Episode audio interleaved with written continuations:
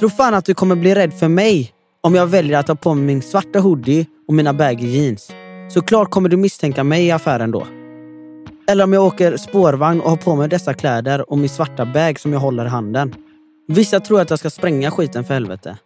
Grejen är, varje sån här situation så vill jag ställa mig upp och bli en vidre människa. Det är det sista jag egentligen vill. Min värsta sida kommer fram hos mig i dessa situationer. Jag vill ställa mig upp och visa att jag kan flytande svenska, börja skryta om jag har spelat över 100 landskamper för svenska damlandslaget i handboll och varit proffs i Frankrike. Spelat x antal år i Champions League. Och sist men inte minst, jag tjänar förmodligen mer än dig, så käften. Inte för tillfället på grund av corona då. Men ja, innan den skiten startar. Men ja, jag ska lugna ner mig nu. Studio Halebop presenterar Louis Sand. Louis Sand är en av våra största handbollsspelare och har varit med och vunnit fem raka SM-guld. Han har också varit med i det svenska damlandslaget och gjort över hundra landskamper med dem. Och efter det började han spela i Frankrike. Han var på toppen av sin karriär. Men någonting kändes inte rätt. Hela sitt liv har Louis vetat att han är född i fel kropp. Att han inte är kvinna. Så 2019 bestämde sig Louis för att lämna handbollen.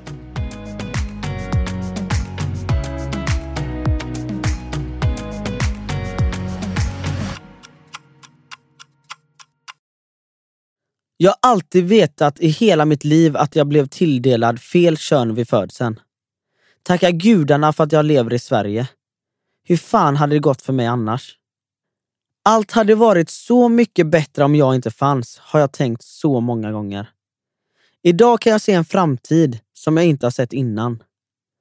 Mitt liv är en enda stor röra egentligen. Vet inte var jag ska börja. Men jag håller mig ovanför ytan på något sätt. Jag vill faktiskt leva idag och jag tror att allt kommer bli bättre. Och det sista det är, det är att det är synd om mig. För att allt runt omkring mig kan inte bli bättre. Det är bara jag som har lite egna issues. Så ni vet, som vi alla har.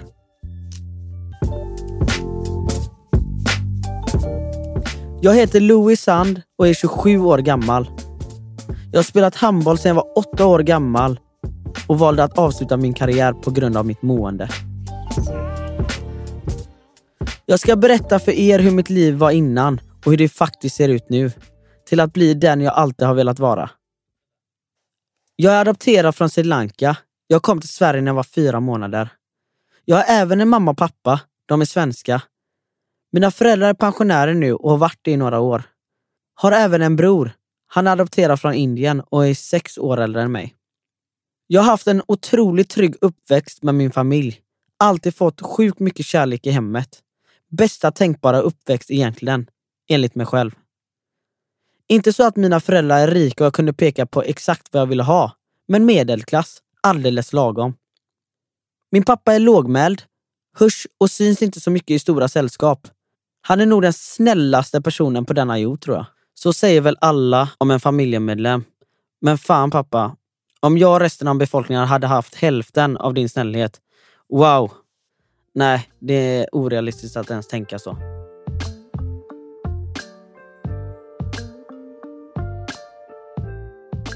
Pappa är dock konflikträdd. Han har alltid velat att det ska vara lugn och ro i familjen och försvinner nästan ur rummet direkt om jag och mamma diskuterade. Men inte nu längre. Han har gjort framsteg.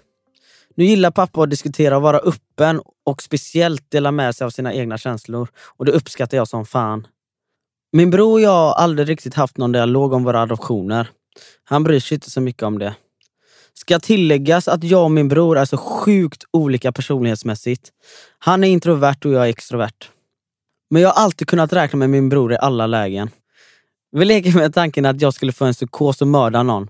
Då hade jag faktiskt ringt Jonas direkt. Låter kanske sjukt, men han hade hjälpt mig på något sätt. Och det hade slutat i att vi båda fick åka in på kåken. Men ja, ja. Jonas är en ja-sägare och är också lite konflikträdd. Dock inte lika mycket som pappa. Det skiljer sig sex år mellan mig och min bror. När vi var yngre så var det ofta jag som var storebrorsan. Det var jag som kunde flippa totalt om någon var taskig mot oss eller min bror. Och jag kunde vara riktigt elak mot Jonas. Jag slog han en del och sen kunde jag springa till morsan och farsan och sa att Jonas slog mig. Fy fan, riktig jävla vidrig unge helt enkelt. Hur pallar du ens Jonas? Sorry alltså, så här i efterhand Jonas. Skönt att kunna be om förlåtelse så här offentligt ändå.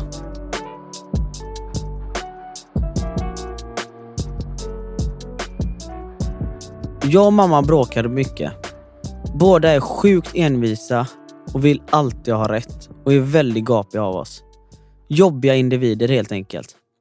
Våra bråk handlade mest om att jag skulle plugga mer och ta hand om mina läxor. Och skolan. Jag var verkligen inget S i skolan alltså. Hade det kämpigt och har alltid hatat att plugga. Ingenting har någonsin gått in. Inte ens när jag skulle ta mitt jävla körkort. Jag dog för mitt körkort, men inte i handling. Jag bodde hemma när jag tog mitt körkort.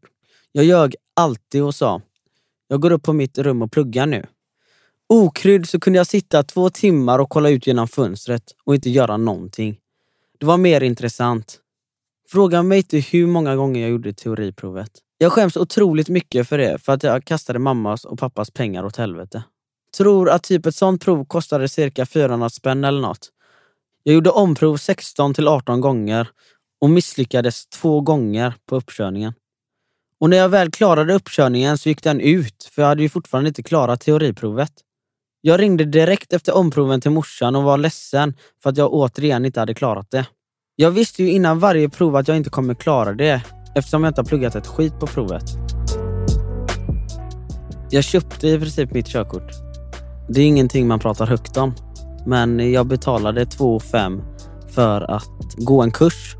Och kursen var grym. Men eh, grejen är ju den att när du väl ska göra de proven där på skolan så har han alla svaren till proven. och när man då ska åka till körskola där jag gjorde mitt teoriprov behövde jag inte ens läsa igenom frågorna. För jag hade redan övat in alla svaren. Det var som glosor för mig då. Så det var så jag fick, köpte mitt körkort.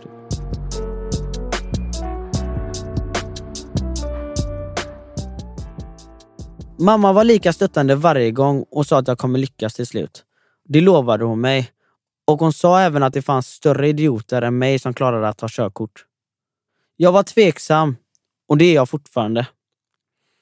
Tack mamma för att du alltid har varit lugn i sådana här situationer med mig. Våra bråk handlade oftast om när jag skulle komma hem och äta. Jag var på bandyplan i flera timmar och spelade streethockey och fotboll med alla andra killar. Jag lyssnade nog nästan aldrig på när mamma sa vilken tid det var mat. Jag kom alltid sent eller så fick de hämta mig på bandyplanen. Jag kommer också ihåg hur mycket vi bråkade när vi skulle handla kläder. Mamma hade ju fått en dotter. Tror fan att hon hade sett fram emot att köpa massa tjejkläder och att vi skulle shoppa tillsammans. Det är inget konstigt med det alls, helt förståeligt enligt mig själv. Men jag kände exakt tvärtom. Hatade när vi skulle shoppa tillsammans, för jag vet att jag kommer hata allt hon föreslår till kläder. Så fort jag fick chansen som liten så hade jag på mig killkläder och klippte mig kort. Jag har alltid haft frågor och tankar om mina biologiska föräldrar och allt runt det. Min mamma och pappa har alltid sagt, Louie, vad du än undrar, ta det med oss och så pratar vi om det och vi ska försöka svara på allt vi kan. Det har jag alltid vetat om och det har verkligen funnits kvällar när vi har suttit och pratat om min adoption och vad jag har känt och vad de har upplevt.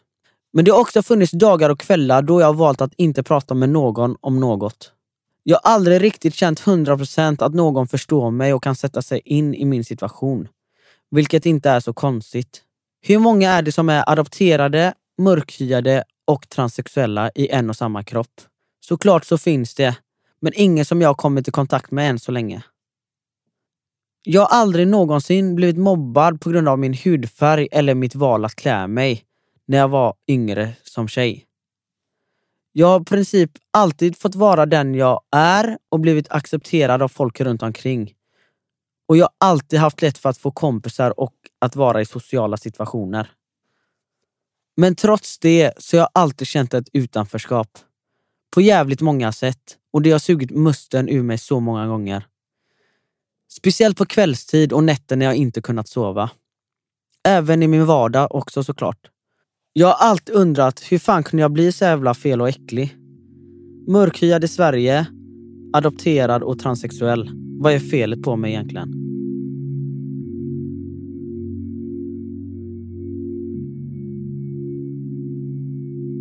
Att vara mörkhyad i Sverige är ett helvete.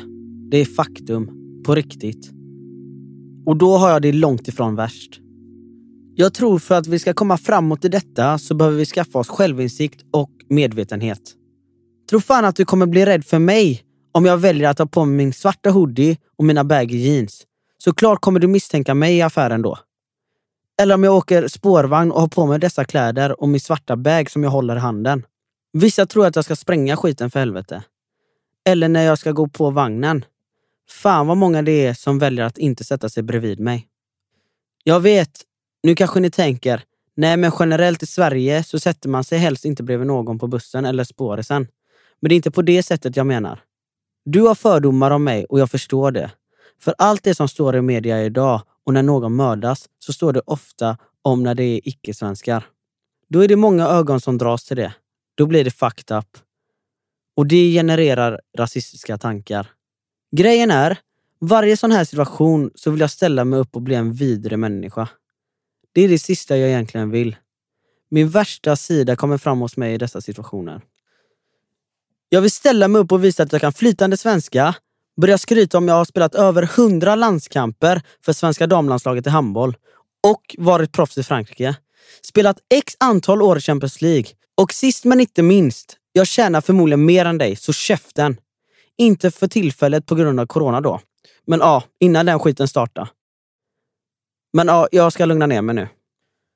Jag försöker klä mig så ofarligt som möjligt. Inte för din skull, utan för min skull. Jag tycker det är så jobbigt på det sättet du kan behandla mig och hur du ser på mig i det svenska samhället. Jag har som sagt spelat handboll på den absolut högsta nivån. På den högsta nivån på damsidan så fanns det enbart tre mörkhyade. Det var jag, Jamina Roberts och Ediana Defé. Sjukt nog så har vi alla tre spelat i landslaget och jag och Eddie var konkurrenter ett tag, innan hon blev gravid. Vi tre är olika som personer, men delar väldigt många upplevelser och bemötande gentemot oss. Vi alla har fått höra från väldigt många tränare att vi är arroganta, nonchalanta och att vi inte tar i när vi tränar. Jag har aldrig upplevt att någon av mina tränare har varit rasister. Aldrig någonsin. Men det är något som man inte kan lägga fingret på vad det exakt är. Grejen är så här. När vi har tränat fys, jag kan fan inte räkna hur många gånger jag fått höra att jag inte tar i och så vidare och så vidare. Fan vad det har stämt emellanåt och emellanåt inte alls. Som vanligt liksom, man gör inte alltid sitt bästa och ibland, även om man försöker, så är det svårt att komma upp till sitt max. Jag strävar fortfarande på gymmet efter mitt max. Men grejen är, jag ser inte ut som mina ljushyade kollegor när de tar i.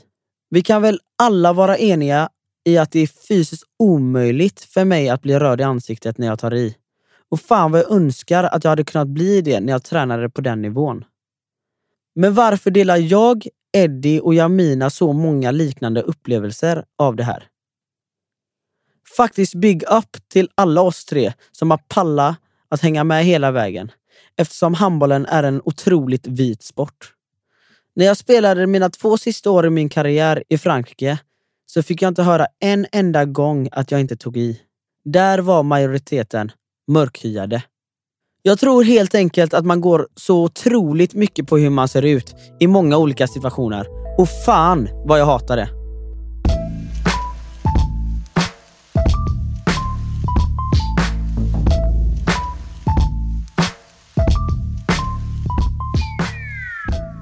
En av mina närmsta polare, Nisse, han har en hårsjukdom som heter alopecia. Det är en sjukdom där kroppens immunsystem låter alla hårsäckar gå in i vilostadiet, vilket gör att allt hår faller av.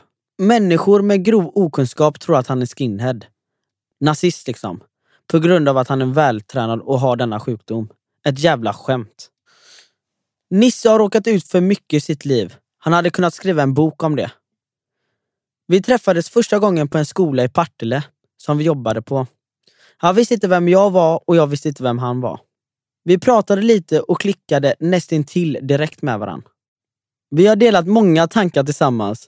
Han blir behandlad på ett sätt och jag på ett annat sätt. Folk tror att han hatar mig och att jag hatar honom, om man nu ska gå på folks fördomar. Det är nästan komiskt, eftersom vi är bästa vänner och inget av det stämmer. Men i alla fall, det har kommit något bra ut av allt detta. Både jag och Nisse älskar att festa. Vi har varit ute mycket tillsammans. Han har berättat för mig att han själv haft svårigheter med att komma in på krogen, precis som jag. Även om han hade åldern inne när han var yngre. Han kunde bli utslängd för att han var för full, sa honom. Vilket inte stämde alls. Påverkad såklart, har han sagt. Men inte alls på det sättet som många andra. Eftersom han vet att han har svårt att komma in så brukar han inte dricka så mycket innan han är inne på stället. När vi började gå ut tillsammans så tänkte vi båda, det här kommer gå fullständigt åt helvete. Varför ska vi ens försöka? Men tro fan, det är en succé varje jävla gång. De kollar på oss som två idioter. De förstår inte kombon överhuvudtaget och släpper in oss. Älskar skiten.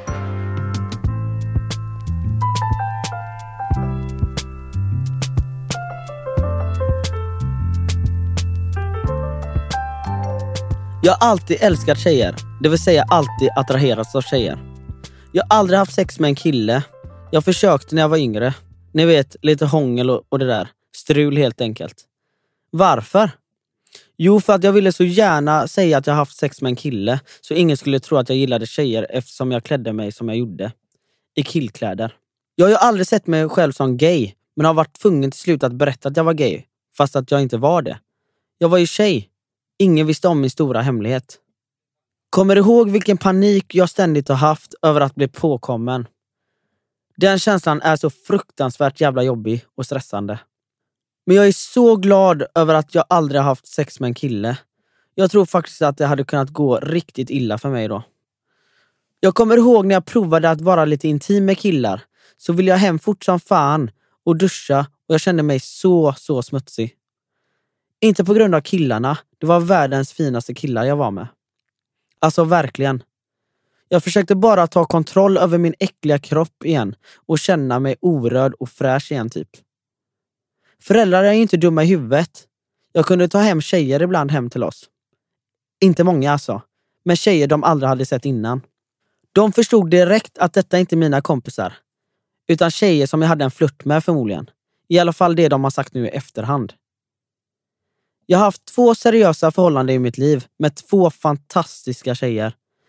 Första förhållandet varade i cirka sex år och mitt andra höll i cirka tre år. Jag är den som har gjort slut med båda. Jag har säkert gjort mina två livs största misstag i mitt liv. Men båda situationerna har varit på samma sätt för mig i mitt huvud när jag har gjort slut. Jag älskar inte mig själv och hatar min egna kropp. Jag måste älska mig själv innan jag kan älska någon annan, tror jag. Helhjärtat. Framförallt kunna ta hand om den jag älskar och visa tacksamhet, kärlek och uppskattning. Intima relationer, sex och så vidare. Jag har alltid hatat det.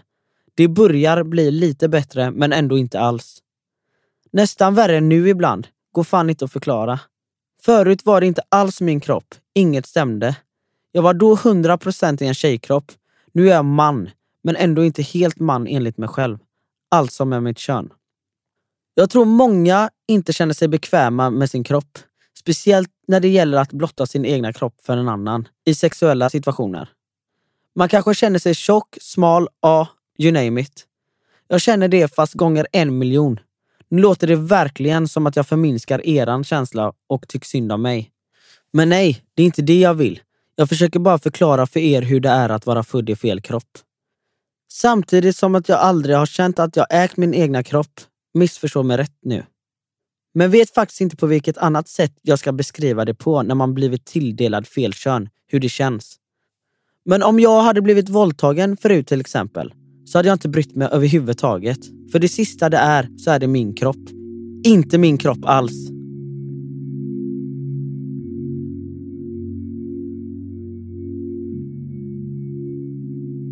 Mitt mående idag är generellt bättre, verkligen. Jag har alltid levt med ångest. Jag visste för några år sedan inte vad den jävla känslan var för något. Men nu idag så pratar vi så mycket mer öppet om allt och väldigt många lever med ångest och nu finns det ett namn på den känslan. Hatar dock när folk slänger sig med det ordet. Att så fort något är lite jobbigt så har man helt plötsligt ångest. Vilket inte är bra, för då förminskar vi ordet och den känslan. Ångest är värre än döden, för mig i alla fall. Men jag har fortfarande dagar när jag känner att jag inte pallar mer. Om jag ska beskriva de dagarna så är det som att jag har 25 år av bakfyllångest. Allting ramlar över mig då. Jag ser inget ljus överhuvudtaget, ingen framtid och jag skiter fullständigt i allt. Jag skiter i att jag skiter i allt, men det händer fan inte lika ofta att de dagarna eller timmarna kommer längre. Tack för att ni har lagt eran tid att lyssna på mig och det här kommer låta sjukt klyschigt. Men att våga visa sig svag gör och kommer göra dig stark. Det tror jag på. Tro aldrig någonsin att du känner en människa 100%. Var nyfiken på ett fint sätt och ha en ödmjuk inställning till livet generellt. Livet är vad det är emellanåt och jag tycker att det kan vara sjukt skönt att tänka exakt om orden. Det är vad det är, men vad fan. Jag lovar att livet kommer att bli bättre. Eller det intalar jag mig själv i alla fall, i dessa pissiga tider. Ta hand om er. Eran Louie.